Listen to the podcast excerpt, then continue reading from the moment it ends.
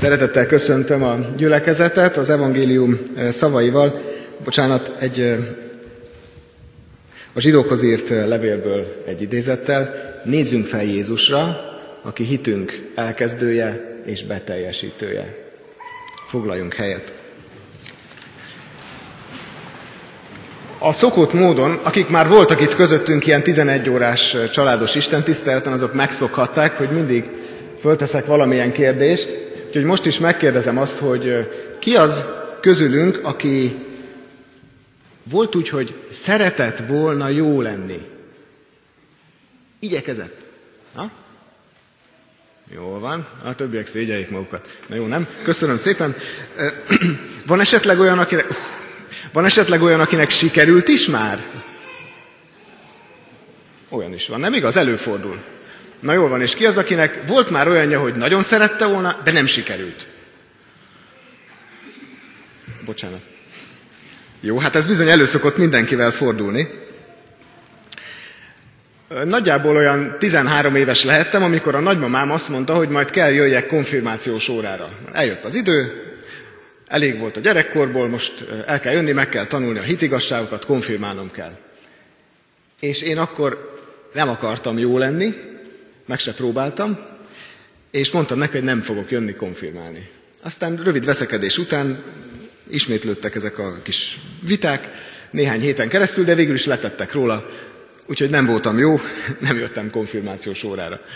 És aztán néhány évvel később történt, amikor már nagyon szerettem volna jó lenni.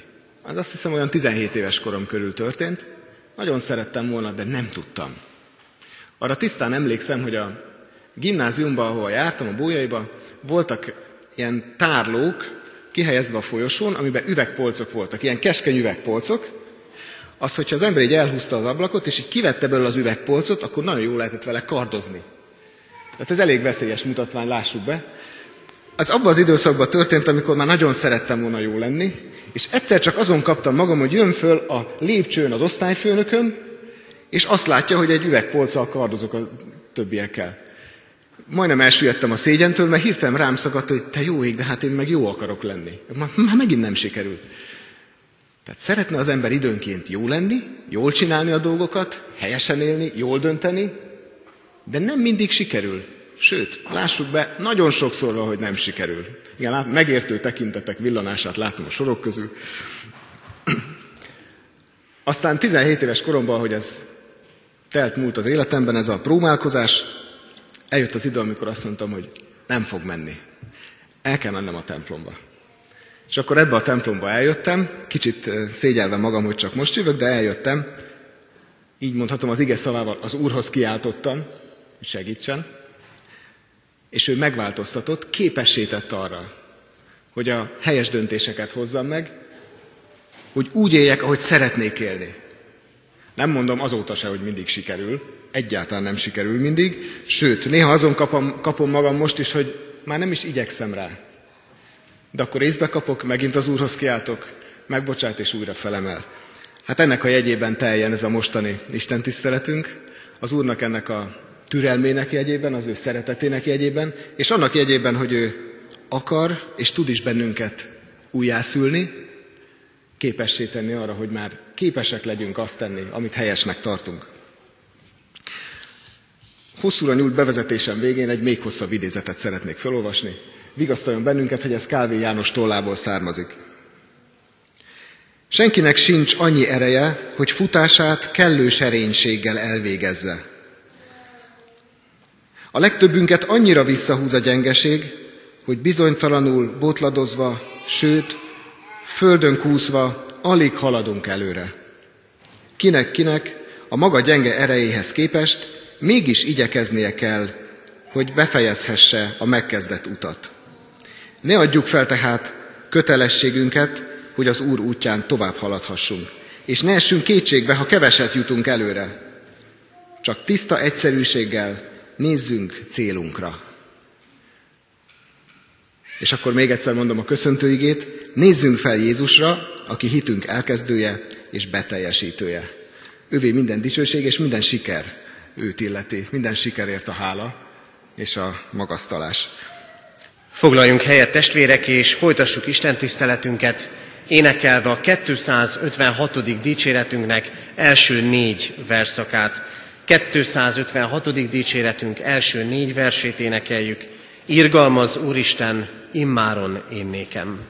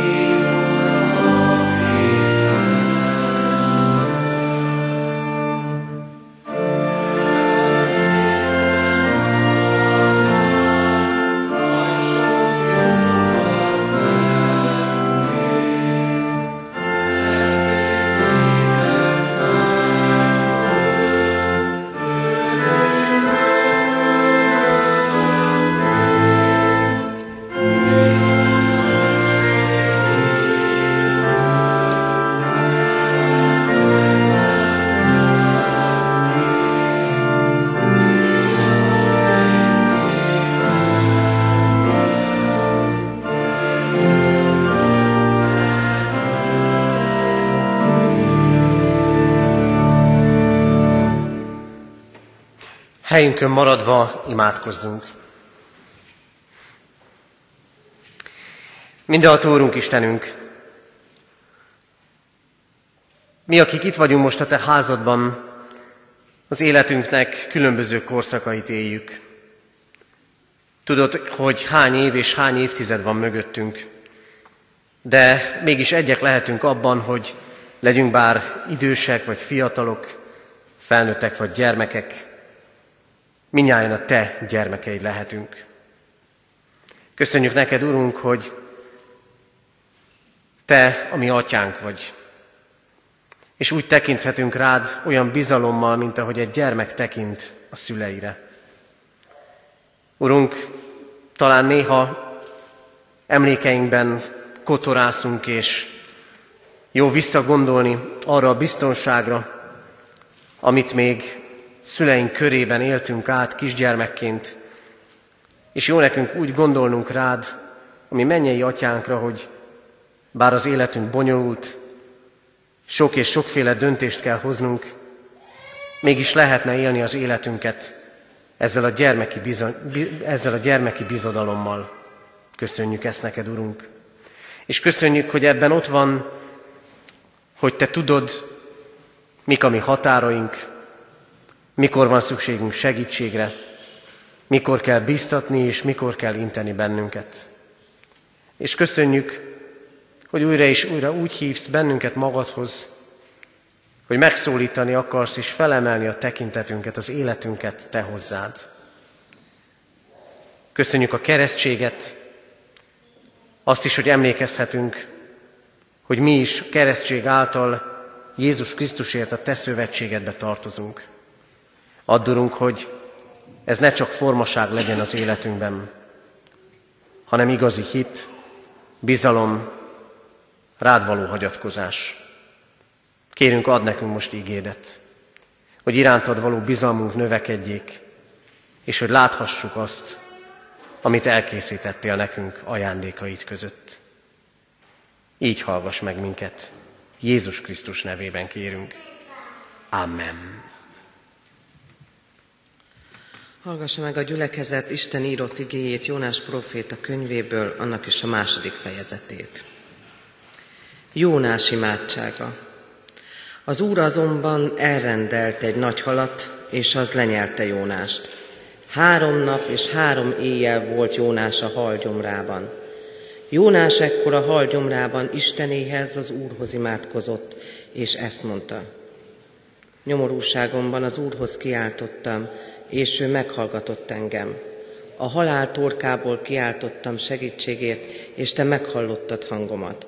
Mélységbe dobtál a tenger közepébe, és áradat vett körül. Minden habod és hullámod átcsapott fölöttem. Én már azt gondoltam, hogy eltaszítottál magadtól, és nem láthatom többé szent templomodat. Már-már életemet fenyegette a víz, mélység és örvény vett körül, hínár fonódott a fejemre. Lesüllyedtem a hegyek alapjáig, örökre bezárult mögöttem a föld. De te kiemelted életemet a sírból, ó Uram Istenem, amikor elcsüggett a lelkem, az Úrra gondoltam, és imádságom eljutott hozzád szent templomodba. Akik hitvány bálványokhoz ragaszkodnak, azok elhagyják jótevőjüket. De én a hálaéneket zengve áldozok neked, és amit megfogadtam, teljesítem. Az Úrtól jön a szabadulás. Az Úr pedig parancsot adott a halnak, és az kiköpte Jónást a szárazföldre. Kedves testvérek, egyetlen igeverset hadd emeljek ki az imént hallott igéből, Jónás könyve második fejezetének nyolcadik versét. Ez így szól. Amikor elcsüggett a lelkem, az Úrra gondoltam, és imádságom eljutott hozzád, szent templomodba. Kedves testvérek, nem a véletlen furcsa összjáték az, hogyha ismerős mondatokat fogok most mondani. Összecsapnak a hullámok a fejem felett. Elértem a határaimat. Nem bírom tovább. Minden összeesküdött ellenem.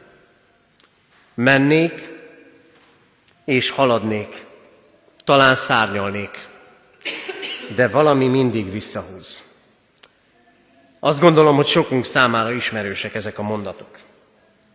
Kimondtuk őket, vagy hallottuk nagyon sokszor. Kimondtuk és hallottuk őket az életünk különböző helyzeteiben. És nem tettünk mást, mint amit Jónás tett. Figyeljünk csak az ő mondataira. A, vé- a hasonlóság nem a véletlen műve. Jónás azt mondja, a halál torkából kiáltottam segítségért. Aztán utána azt mondja, azt gondoltam, hogy eltaszítottál. Aztán azt mondja, minden hab és hullám átcsapott felettem. Már-már életemet fenyegette a víz, mélység és örvény vett körül. Mi történik itt? Itt van az életünk, mondjuk, hogy összecsaptak a hullámok, meg az örvény, meg egyebek, és ugyanezt éli Jónás is. Ugyanezt éli az Isten embere, még az Isten embere is. Ráadásul még azt is mondhatnánk, Jónás megérdemelte. Az Isten azt mondta, indulj el ebbe az irányba, ő meg elindult a másikba. Nem engedelmeskedett az Istennek. Az Isten embere és az Isten népe, mi magunk, ugyanúgy hordozunk mélységeket. elhordozzuk a magunk életének a nehézségeit. És kérdezzük, miért, Uram? Már minden összecsapott, már elég, már elértem a határaimhoz. És néha megtörténik, és az Istentől távol élő ember talán azt is mondja, hogy a hit az más világ. Itt vannak nehézségeim. Nekem itt kellene választ adnom az éppen aktuális terheimre, hogy válságban vannak a kapcsolataim, talán a házasságom. Nekem itt kellene választ adni arra a mélységre, hogy nem jönnek össze a terveim. Hogy egy csomó kudarc van, sőt, ami még nehezebb, hogy mélységből mélységbe botorkálok. A hit az nem más világ. Jónás imádkozik. Egy kicsit furcsa történetként ott van a hal gyomrában, és imádkozik. Egyszer csak elkezd az Isten, Istenre gondolni, aki elől menekül. A Biblia nem olyan, emberekkel van, nem olyan emberekkel van tele, nem olyan embereket hoz elénk, akik kezdettől fogva rendíthetetlen bizalommal néztek az Istenre. Egy csomó olyan ember van, aki eleve menekült az Istentől. Itt van Jónás, és néha, ha őszinték vagyunk, talán mi is ilyenek vagyunk. Gondolj az Istenre. És akkor kapsz választ a miértekre, és átéled az Isten szabadítását. Mit üzen nekünk ez az ige? Először is azt üzeni, nincs olyan mélység az életünkben, amiről az Isten ne tudna, és ami felett ne lenne hatalma. Újra mondom, nincs olyan mélység az életünkben, amiről az Isten ne tudna, és ami felett ne lenne hatalma. Nekem nincs gyermekem, de vannak itt néhányan gyerekek, és talán a szülők meg tudnak erősíteni abban, hogy az úgy működik, hogy nagyjából kijelölik a határt a gyerekeknek, mit szabad és mit nem szabad. És az a gyerek próbálkozik. Eléri azt a pontot, ami már mondjuk túl van a határom. Igen ám, csak nem biztos, hogy rögtön rá kell szólni. Még egy kicsit hagyom. Még egy kicsit a szülő figyelő, hogy na, vajon mi lesz ebből? Hát, ha észhez tér, hát, ha mégiscsak hallgatni fog rám. És eljön az a pont, ezelőtt az Isten tisztelet előtt katonatelepen szolgáltam a templomba, ott is volt egy kisgyerek, elkezdett kimenni a templom ajtón. Először csak egy lépésre, visszajött. Kettőre, visszajött. Tízre, visszajött. Igen, ám csak, hogy ott van az úttest. És eljött az a pont, hogy átlépte a határt, és a nagymamája utána ment. Na, ilyenek vagyunk mi is. Mi is lépjük át a határokat, egy lépés, kettő, öt, tíz, az Isten figyel, és egyszer csak utánunk jön, és belenyúl a dolgokba. Mert figyel. Mert atyai szeretettel vesz körül bennünket. Miért kell akkor a nyomorúság? Miért kell akkor, hogy Jónást beledobják a tengerbe, és egészen fantasztikus módon, hihetetlen módon ez a nagy hal lenyelje őt. De miért kell nekünk elhordozni a mélységeket? Miért kellenek a nehézségek? Mert az Isten tanítani akar. A tenger meg a hal az Ószövetség nagy részében jelképként is megjelenik, mégpedig a rendetlenségnek, a rendezetlenségnek, a káosznak a jelképe, ahol az ember nem találhatja meg a helyét. Te megtaláltad a helyet? A tenger, a hal, a káosznak a jelképe, ahol szétesik minden, ahol nem történnek pozitív dolgok, de azért hadd mondjak még egy fontos dolgot. Jónást lenyeli a hal, és úgy kerül nagyon mélyre. De nem ez az első mélység ebben a történetben. Az első mélység az az, hogy miközben a tengerészek küzdenek a viharral, Jónás ott van a hajó mélyén és alszik. Ő elbújik. Az első mélységet ő választja. Én elrejtőzök, itt már nem látnak. De ezt a másodikat, ezt már nem ő választja. Ezt már az Isten adja neki. Jön a hal, őt bedobják a tengerbe, mert egyébként rögtön összeáll neki, hogy azért alakultak így a dolgok, mert én futok az Isten elől. És ezt a mélységet már nem ő választja, hanem az Isten adja neki. Megtörténik, hogy az Isten úgy gondolkodik és úgy cselekszik, hogy ami mi döntést meghozunk, azt ő szépen kiélezi. Jónás választott egy mélységet a hajó aljába, meg az Istentől távol, azt mondja az Úristen, akkor megmutatjuk, hova megy a mélység. Akkor megmutatjuk, hogy mi lehet a történetnek a vége. De az Isten nagyon jól tudja a határokat, mert minden az ő kezében van. Milyen érdekes, Jónás mondhat nemet az Istennek. Elküldi az egyik irányba, ő megy a másikba. Az embernek megvan ez a szabad akarata, mindannyiunknak. A halról azt olvassuk, az Isten oda rendelte, a hal meg oda ment. Ennyire egyszerű a dolog. Nekünk ilyen értelemben van szabad akaratunk és döntésünk. A kérdés az, hogy mit kezdünk vele. Mélységeket választunk, vagy pedig magasságokat. És mi történik még itt? Az történik, az a döbbenetes dolog, hogy ami emberileg a vég, a tengerészek tán csak annyit látnak, hogy jön a hal, Jónás meg eltűnik. Vége van. Ami emberileg a vég, a mélység, a legnagyobb mélység, az az Isten tervébe korán sem az, hanem egyrészt valami hihetetlen gondviselésnek a megtapasztalása, másrészt megmenekülés. Megtörténik velünk is, hogy menekülnénk. Hogy azt gondoljuk, már nincs lejjebb. Hogy megkérdezzük, miért engedett Isten ebbe a helyzetbe.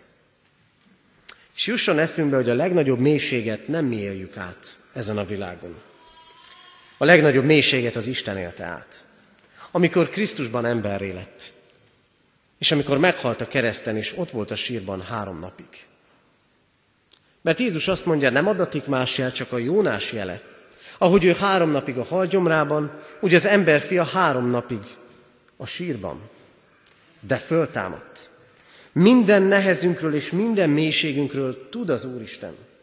És nagy biztatás van ebben, nincs olyan mélység, amit az Isten ne járt volna beértünk.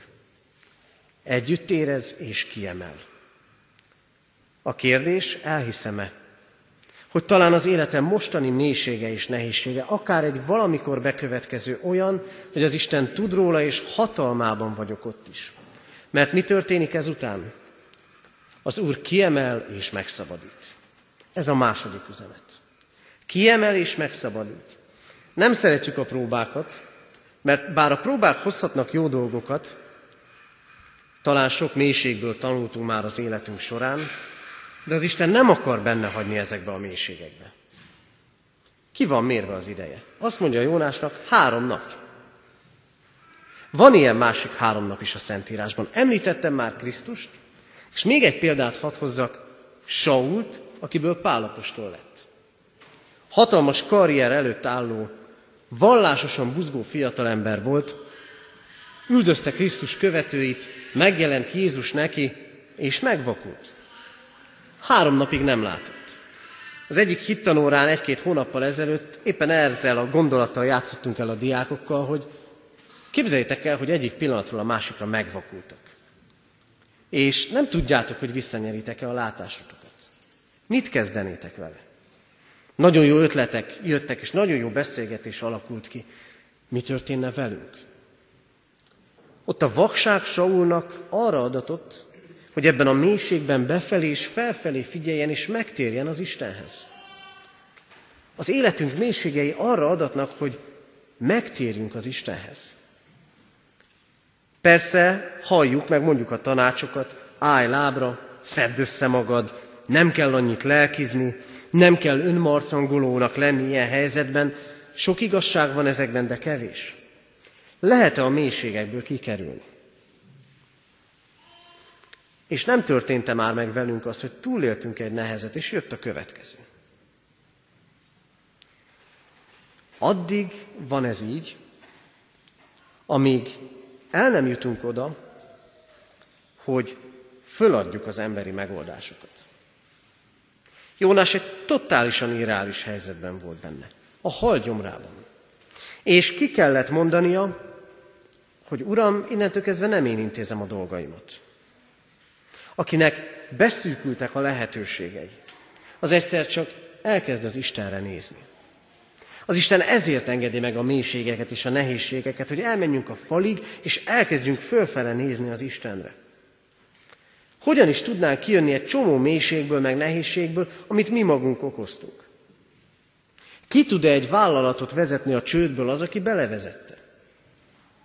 Ki tudja valaki vezetni a magyar foszit abból a csődből, aminek egyébként ő maga is a részese? És ki tudjuk-e vezetni magunkat a mélységeinkből, mikor sokszor mi vagyunk az okozói? Jónás mit mond? Én itt vagyok a mélységben, én itt vagyok a nehézségben. De te emelsz ki. De te vagy a szabadító. Eddig kell eljutni. Uram, én nem tudok fölemelkedni.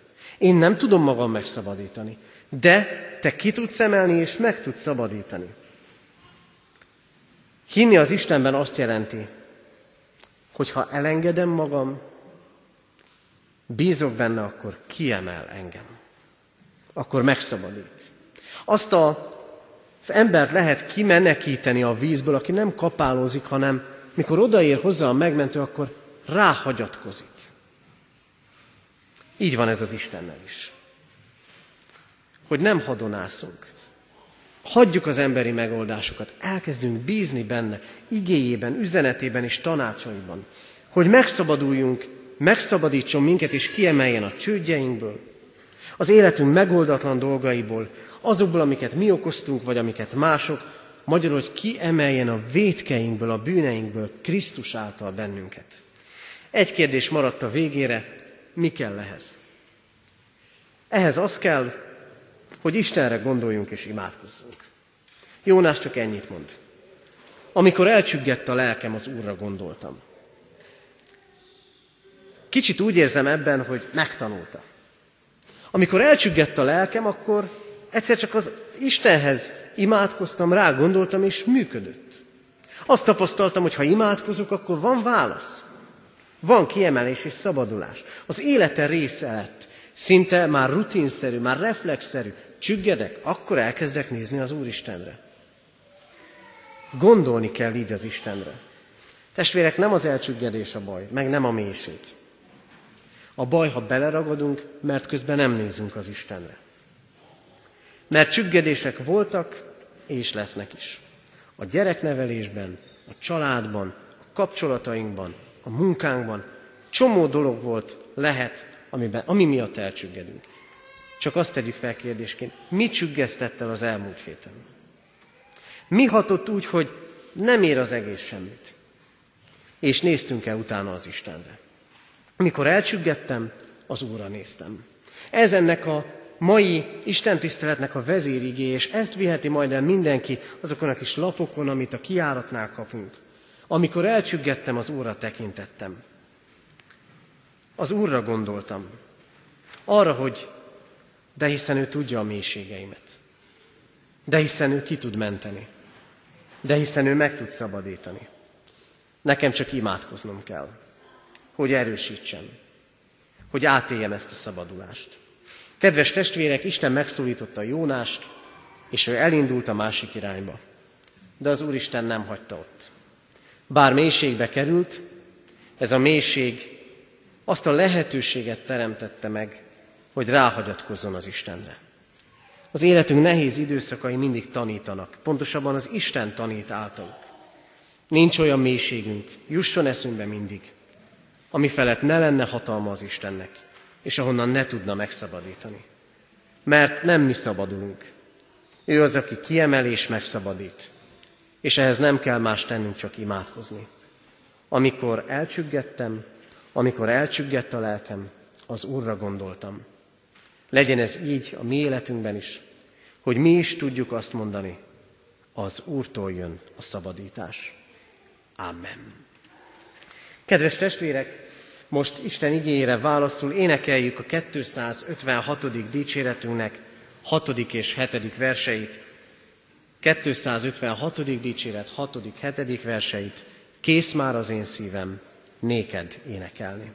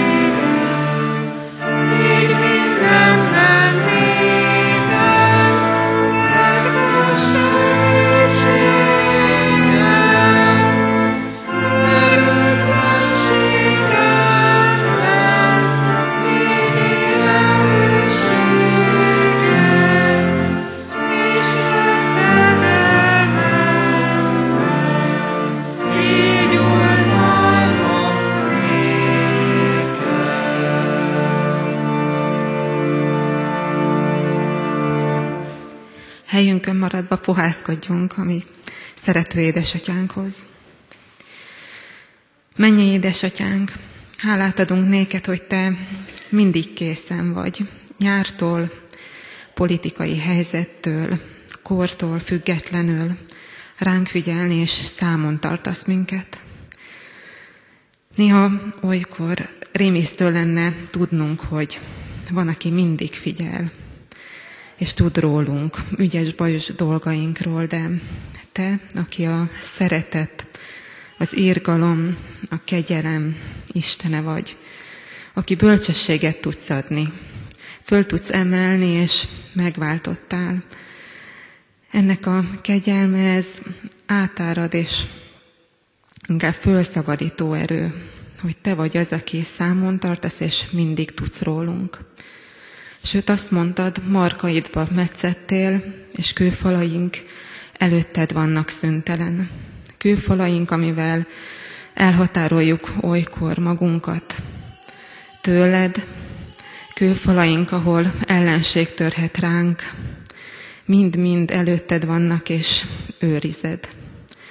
Hívsz és kopogtatsz, és számon tartasz.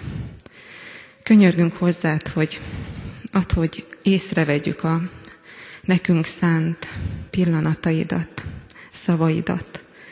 Ne csak halljunk, de értsünk is, ne csak nézzünk, de lássunk is a körülöttünk levő dolgokból téged.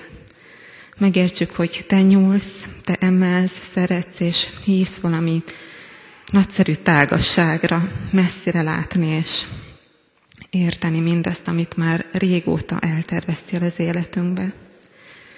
Áldott légy érte. Ámen. Fennállva imádkozzunk, ahogy a mi Úrunk Jézus Krisztus tanított bennünket. Mi atyánk, aki a mennyekben vagy, szenteltessék meg a te neved.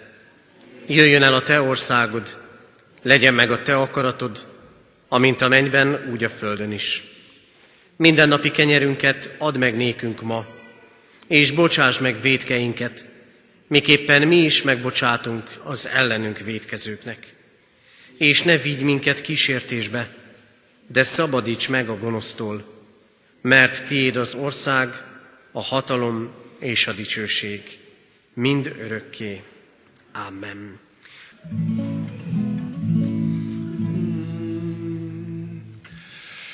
Zengjen dallam a hegyek közt, méltón áldjuk a Teremtőt. Völgyek felett szálljon a szép muzsika szó, Ódolatunk néked, ó alkotó. Zengjen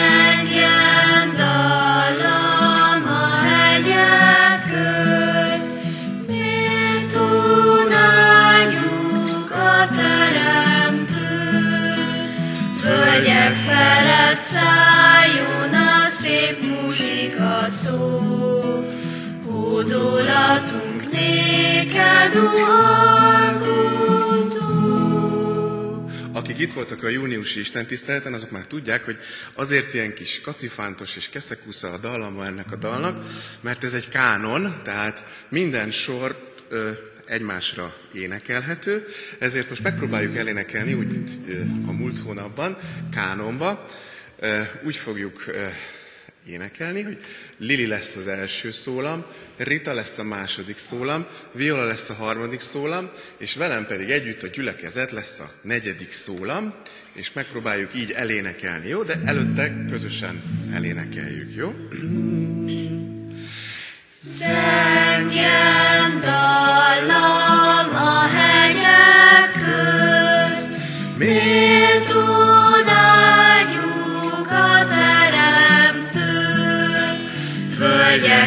felett szálljon a szép muzsika szó, Hódolatunk néked, ó alkotó.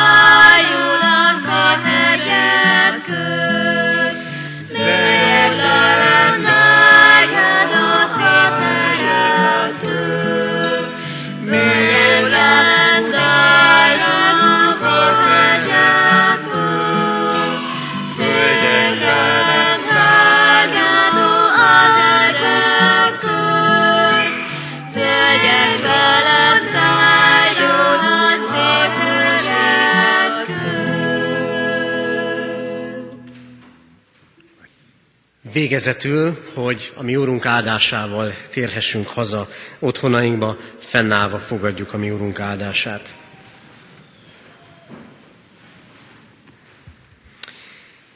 Amikor elcsüggett a lelkem, az Úrra gondoltam, és imádságom eljutott hozzád, szent templomodba. Az Úrtól jön a szabadítás. Amen. Áldás békesség, áldott szép vasárnapot kívánunk mindenkinek.